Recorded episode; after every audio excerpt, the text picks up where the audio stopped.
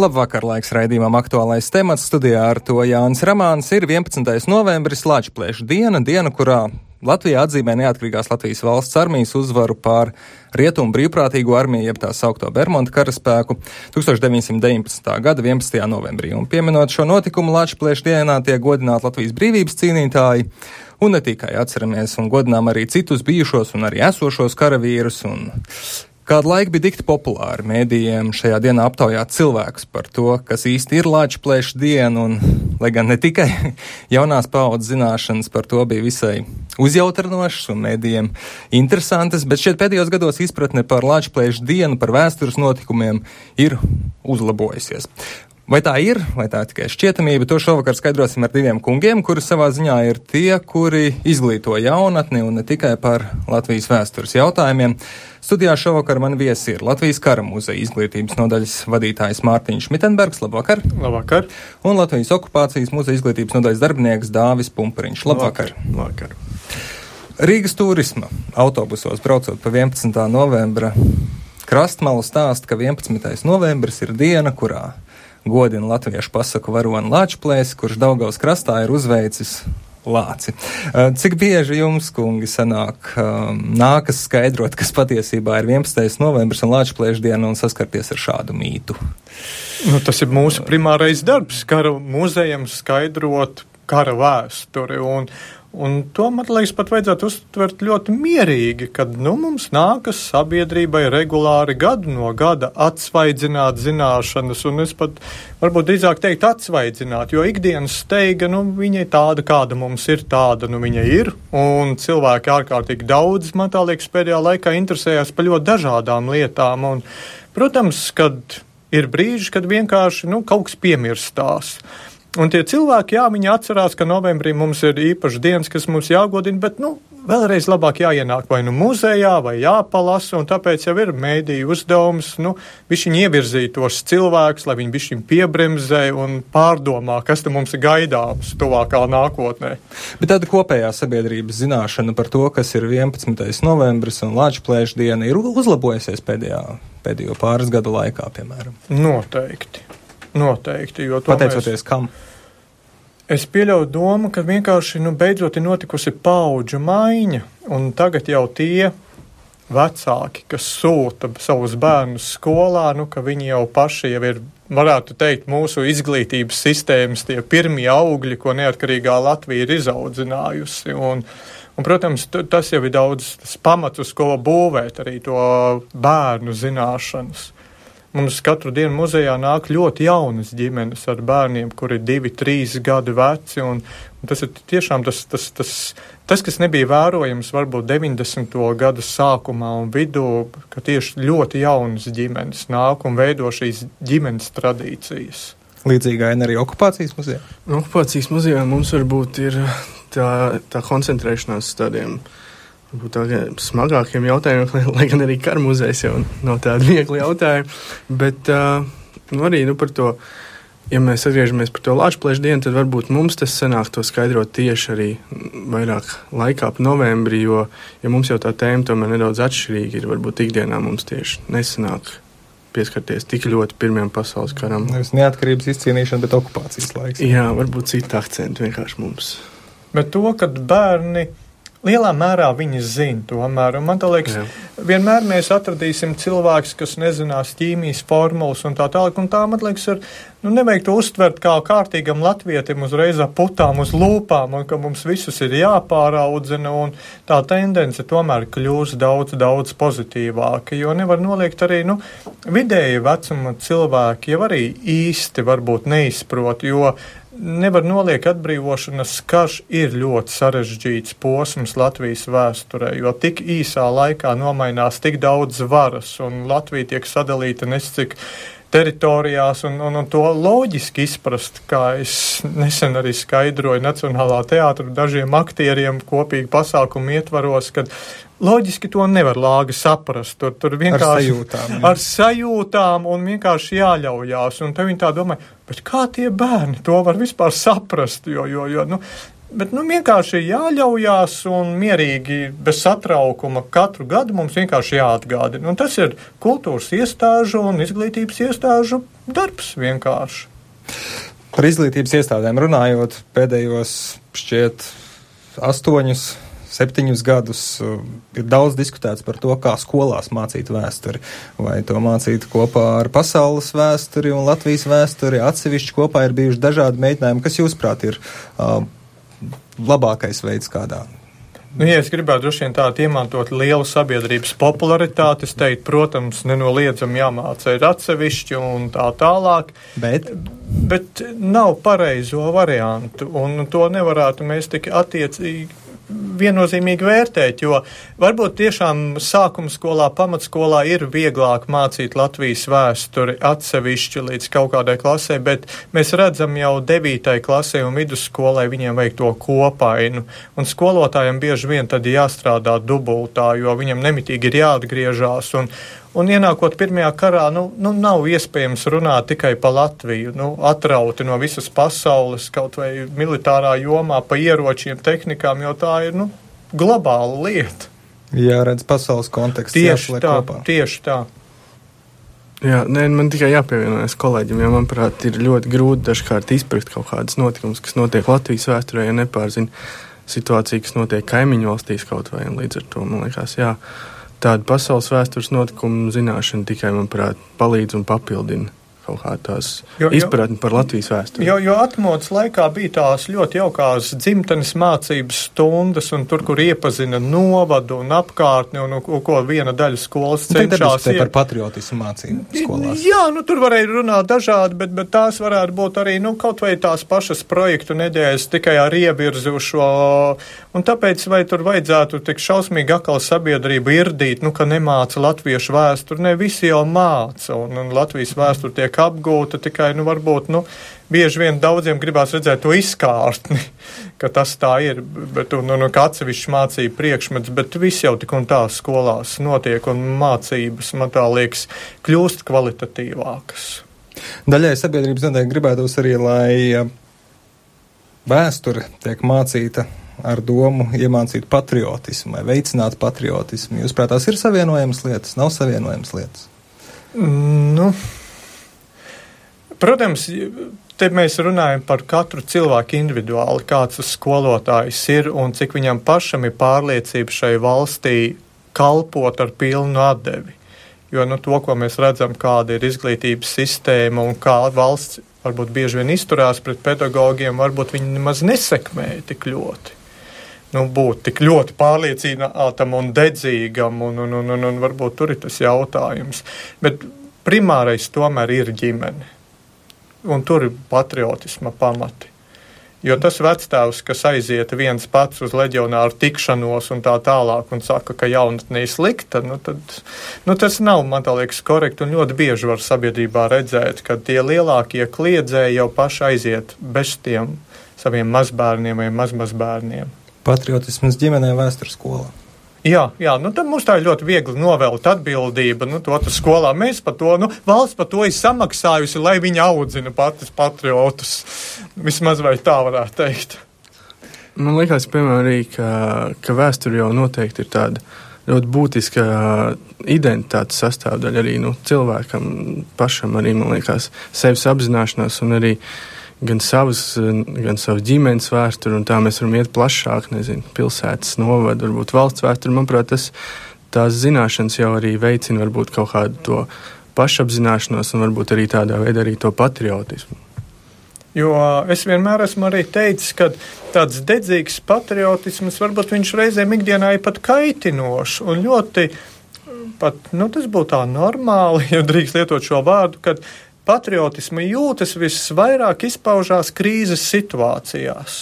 Tad, kad iestājās nemieri, karš, un tad, tad, tad tiešām sabiedrībā notiek šis dzinulis, kaut kas nav kārtībā, un mums ir protests, un mēs to paužam tādā veidā. Un, un kamēr sabiedrība ir gana pēdusi, mierīgi, pārtikusi, nu, nu, nu kāpēc īpaši jāplātās? Jā, ir svētku dienas, kur man ir tas, tā kā goda drānas, jā, es uzlieku, bet, bet kāpēc nu, ikdienā būtu nu, tik šausmīgi impulsīviem jābūt un ar savu patriotismu jāskrien? Nu, viņš iekšā ir cilvēkos, un tas ir nenoliedzami.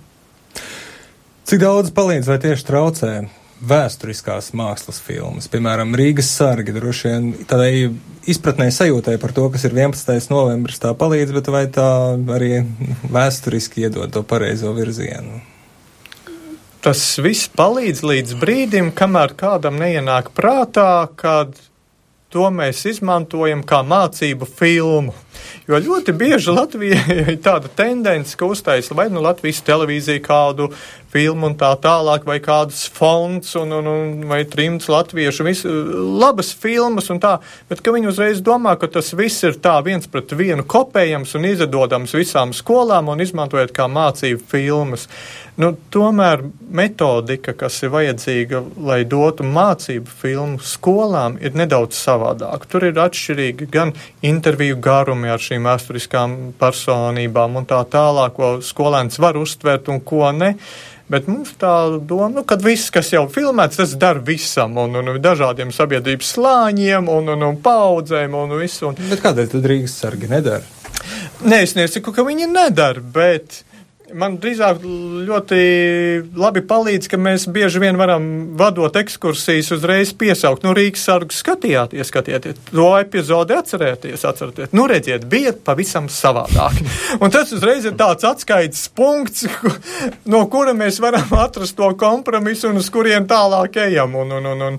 Bet, protams, ļoti daudz filmas ir darījušas skādi vai, vai tas pats uh, dzīta ar dzimta, kur šie epizodi ar dievkalpojumu piņu riņķu baznīcā un kur, nu, Ziemassvētkos un kur mums gadiem ir jācīnās pēc tam, ka, nu, nē, nu, tā, tas dievkalpojums notika tā kā citā laikā un tad palasiet čaku, kas tur dzējolim priekšā ir rakstīts un tā. Un, jo, nu, tad, protams, tā cilvēka domāšana kļūst tāda šabloniskāka un, un, un, un, un tas ir, bet tas, man liekas, ir pasaulē normāla lieta. Nevajag atkal to pārspīlēt un satraukties, ka mēs te esam tikai pār sev darījuši. Man liekas, ka filmas arī dara tādā, tādā veidā, kā, kā mācību materiāls. Ja pēc tam, nu, zināmā mērā, ja, ja pēc tam skolotājs klasē, piemēram, pārunā ar skolēniem redzēto.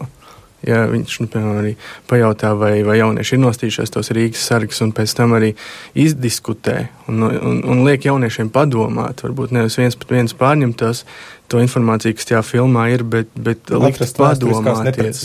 Piemēram. piemēram. Vidusskolniekiem, jā, jā, bet to, ka lielai daļai jauniešu pirms pāris gadiem, kad šī filma nāca klajā, tas bija tāda man liekas, tāda lepnuma izpausme. Mm. Tiešām es pirms tam nebiju tik ļoti novērojis jauniešos tādu lepnumu par savu valsti, un ar to filmu ir izdarījusi nu, ārkārtīgi lielu darbu, un, un, un, un tāpēc tādas filmas jebkurā gadījumā vajadzīgas ir par kuriem varbūt Latvijas vēstures līkločiem tās būtu visvairāk nepieciešams. Mēs redzam, ka nesen ir piešķirtas nauda dažādām filmām uz simtgadu tapšanu par Latvijas vēsturi, patriotiskām un vēsturiskām domāju, dokumentālām. Ka, protams, tas tam būtu jāfokusējās uz, uz 20. gadsimtu, kad būtībā veidojās mūsu valsts, jo tie tie pamati un kad vienkārši ir, nu tā, sabiedrībai ļoti mērtiecīgi jāizskaidro kādā veidā mēs tikām pie šīs valsts ar jaunlatviešiem, ar 1905. gadu, ko mēs īsti varbūt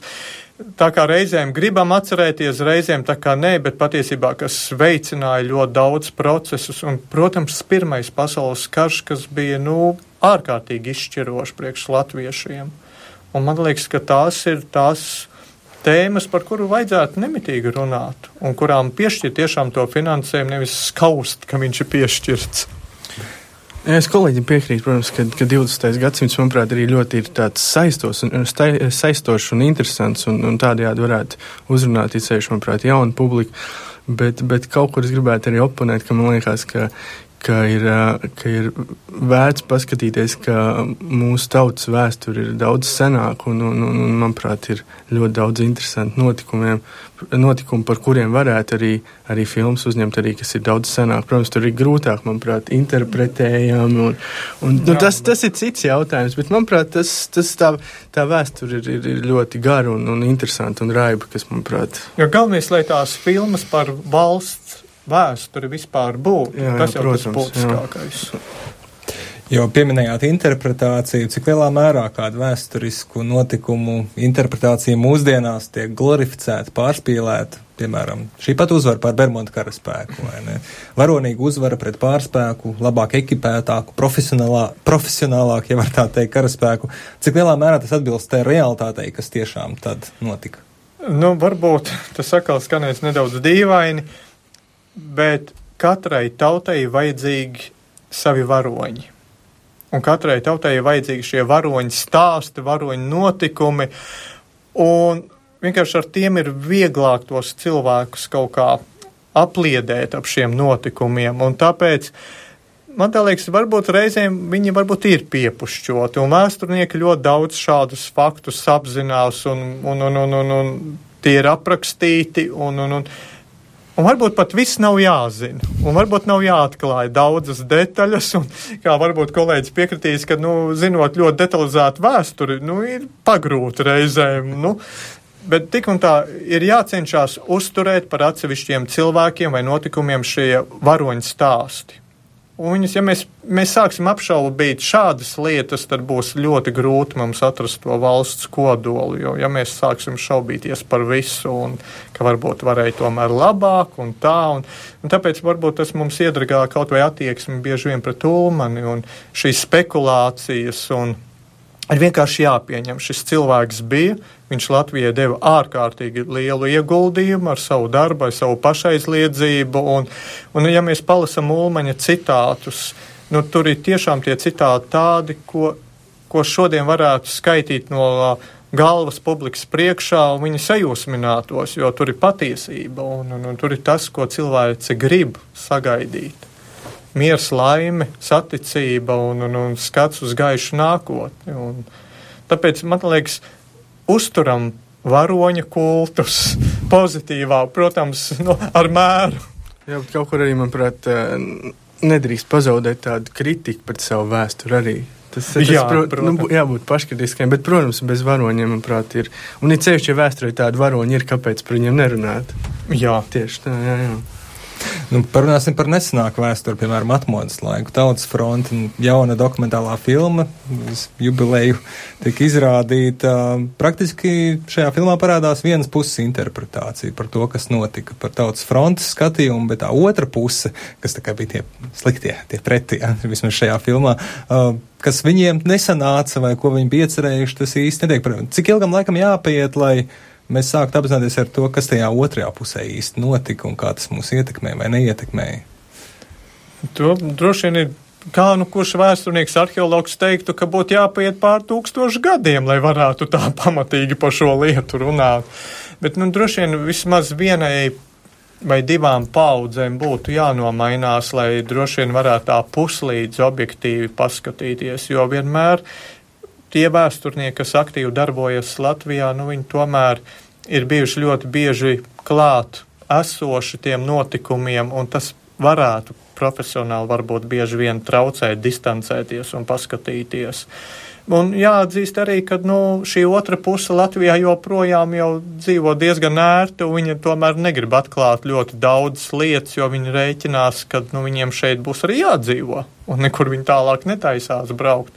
Un tāpēc tā vēsture vienmēr tiks attiecībā uz šo atmodas laiku kropļota, man tā liekas, no viņa puses. Viņa ir iespējama objektīva cik nu vispār mēs varam runāt par tādiem vēstures procesiem. Kaut gan it kā ņemot vērā tās iespējas, kas bija atmodas laikā dokumentēt, fiksēt, viņas bija noteikti daudz lielākas nekā pirmajā kara atbrīvošanās kara laikā. Un tie materiāli noteikti ir pie sabiedrības lielā mērā kaut kur glabājas fotoalbumos un tā tālāk. Un, Te ir atkal tas sabiedrības pienākums būt atvērtiem un uzticēties muzejiem, arhīviem un nodot šīs liecības, lai tad varētu šie vēsturnieki strādāt, jo vēsturnieki strādā ar dokumentiem.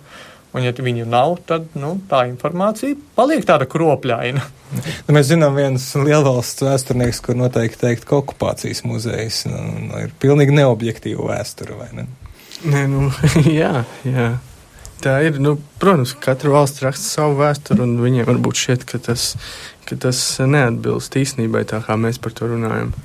Kaut gan tas arī ir mūsu stereotips, jo jā, jā, kara mainās, muzejā jā. ierodās ikdienas pārsteidzoši daudz e, turisti no Krievijas, un tādu gaidot arī janvāri, mēs jau nedaudz iespringstam, mm.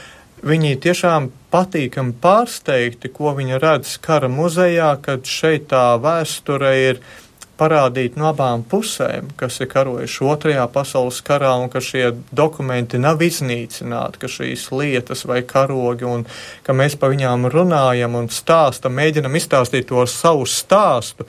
Varbūt bieži vien viņi diskutē un viņiem īsti paliek kaut kas neskaidrs, bet viņi vismaz novērtē, ka šeit nav tas pārspīlējums, ko viņi bija gaidījuši. Un attiecībā uz Krievu turistiem var droši teikt, ka viņi ir ļoti inteliģenti.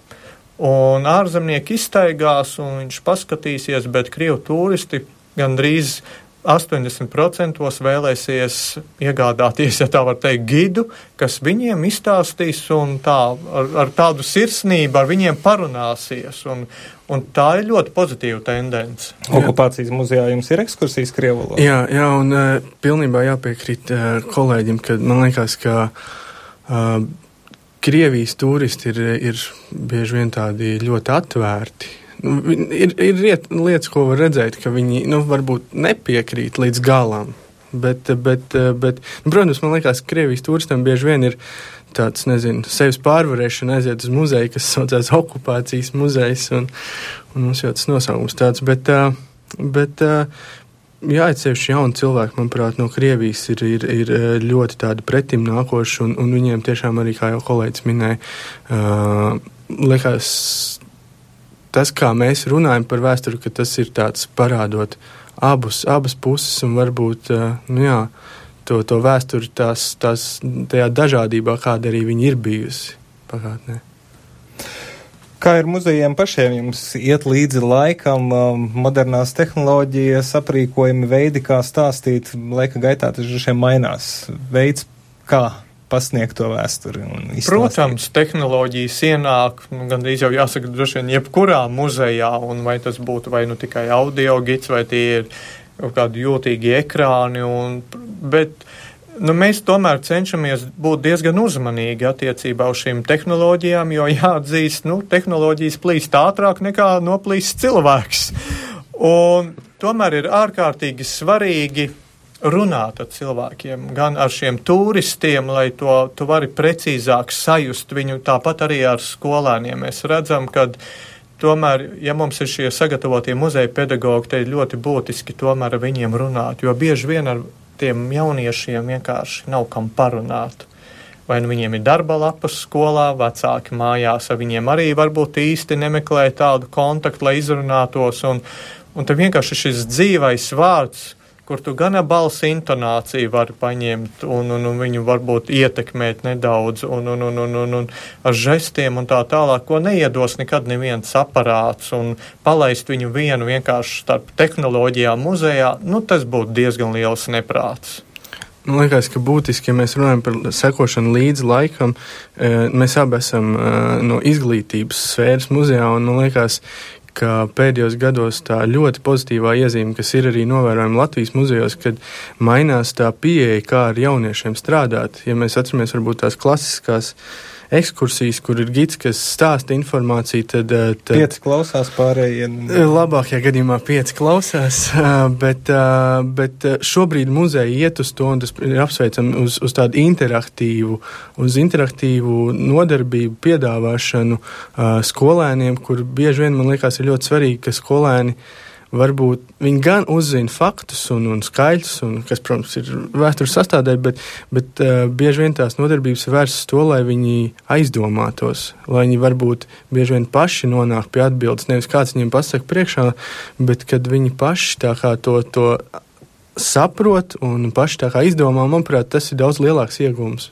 Ko pie jums var darīt interaktīvi, iepazīt ko? Interaktīvi. Nu, nu manuprāt, viena no, no tādām inter, pašām interaktīvākajām uh, uh, nodarbībām ir tāda loma spēle, kas ir neatkarības zaudēšana, kas tad ir veltīta tieši, tieši 40. gadam un padomju varas ienākšanai Latvijā. Tad, uh, tad uh, skolēni nedaudz iepazīstās ar, ar, ar dzīvi pirms tam Latvijā, un tad, tad viņi iegūst tādas lomas, dažādas Latvijas iedzīvotājus, viņi, nu tā teikt, viņiem jāpersonificējās. Un tad viņi izspēlē to situāciju, kā, kā cilvēki varēja reaģēt uz šiem notikumiem, nezinot, kas pēc tam notika. Un, uh, un tad, kad ir, mēs esam izspēlējuši tā, tās lomas, tad jūs iedodat viņiem atrisinājumu. Tad mēs iedodam atrisinājumu, un tad viņi padomā, kāpēc, kāpēc, kāpēc bija cilvēki, kas varbūt rīkojās tā, kā mums mūsdienās liekas, ka tā taču nevajadzēja rīkoties. Mums vēl ir aptuveni trīs minūtes laika. Es jums došu iespēju izstāstīt, kas, ko šajā patriotu nedēļā pie jums ir iespējams abos muzejos darīt. Droši vien jūs esat sagatavojuši īpašu programmu vai ne? Nu, mums tā programma jau, godīgi sakot, jau ir tāda. e, nē, mēs pārsvarā tomēr runājam ar jauniešiem, un tas mums ir tas primārais, un, un, un, un mums ir tās nodarbības, kā arī minēja jau, kad, kad kaut kas tāds interesants, un mums ir, piemēram, nodarbības, kā tapa brīvības piemineklis, kur jaun, jaunieši un bērni liek brīvības pieminekļa maketu vai atkal iepazīst Bermontiādi caur tādām spēlēm strateģiskām, kur viņiem pašiem ir jātais uzbrukuma schēmas un tādas lietas. Un, un, un, un protams, būs, būs arī tādas lietas, kur varēs iepazīt īri varbūt šo auru, noskaņu, un tur būs tāda īpaša izstāde, kas jau šodien ir apskatām, kur ir redzami Lāčplēša kara ordeņa kavalieri ar savām ģimenēm, ar saviem bērniem, un tādas ļoti interesantas fotogrāfijas, kuras līdz šim mēs varbūt nebijām plaši sabiedrībai rādījuši. Jums šodien bija daudz dažādu pasākumu. Jā, mums šodien bija. Jā, manuprāt, ir eh, vērts atgādināt, ka mēs jau gadu esam pārcelšies uz pagaidu mītnes vietu bijušajā ASV vēstniecības ēkā Raņģa Bulvārī 7. Līdz ar to, manuprāt, tas jau vien ir notikums atnākt apstīties, kā, ir, kā izskatās bijušajā ASV vēstniecības ēkā, kur varbūt nevarēja tik daudz pastaigāt agrāk. Un, un paskatīties jā, mūsu to pagaidu ekspozīciju. Manuprāt, tas arī, tas arī varbūt ir, to ir vērts šajā svētku nedēļā paskatīties, vienkārši kā mēs esam iekārtojušies. Paldies jums abi kungi par interviju! Paldies jums! Sarunājos ar Latvijas kara muzeja izglītības nodaļas vadītāju Mārtiņu Mitenbergu un Latvijas okupācijas muzeja izglītības nodaļas darbinieku Dāvi Pumpuriņu.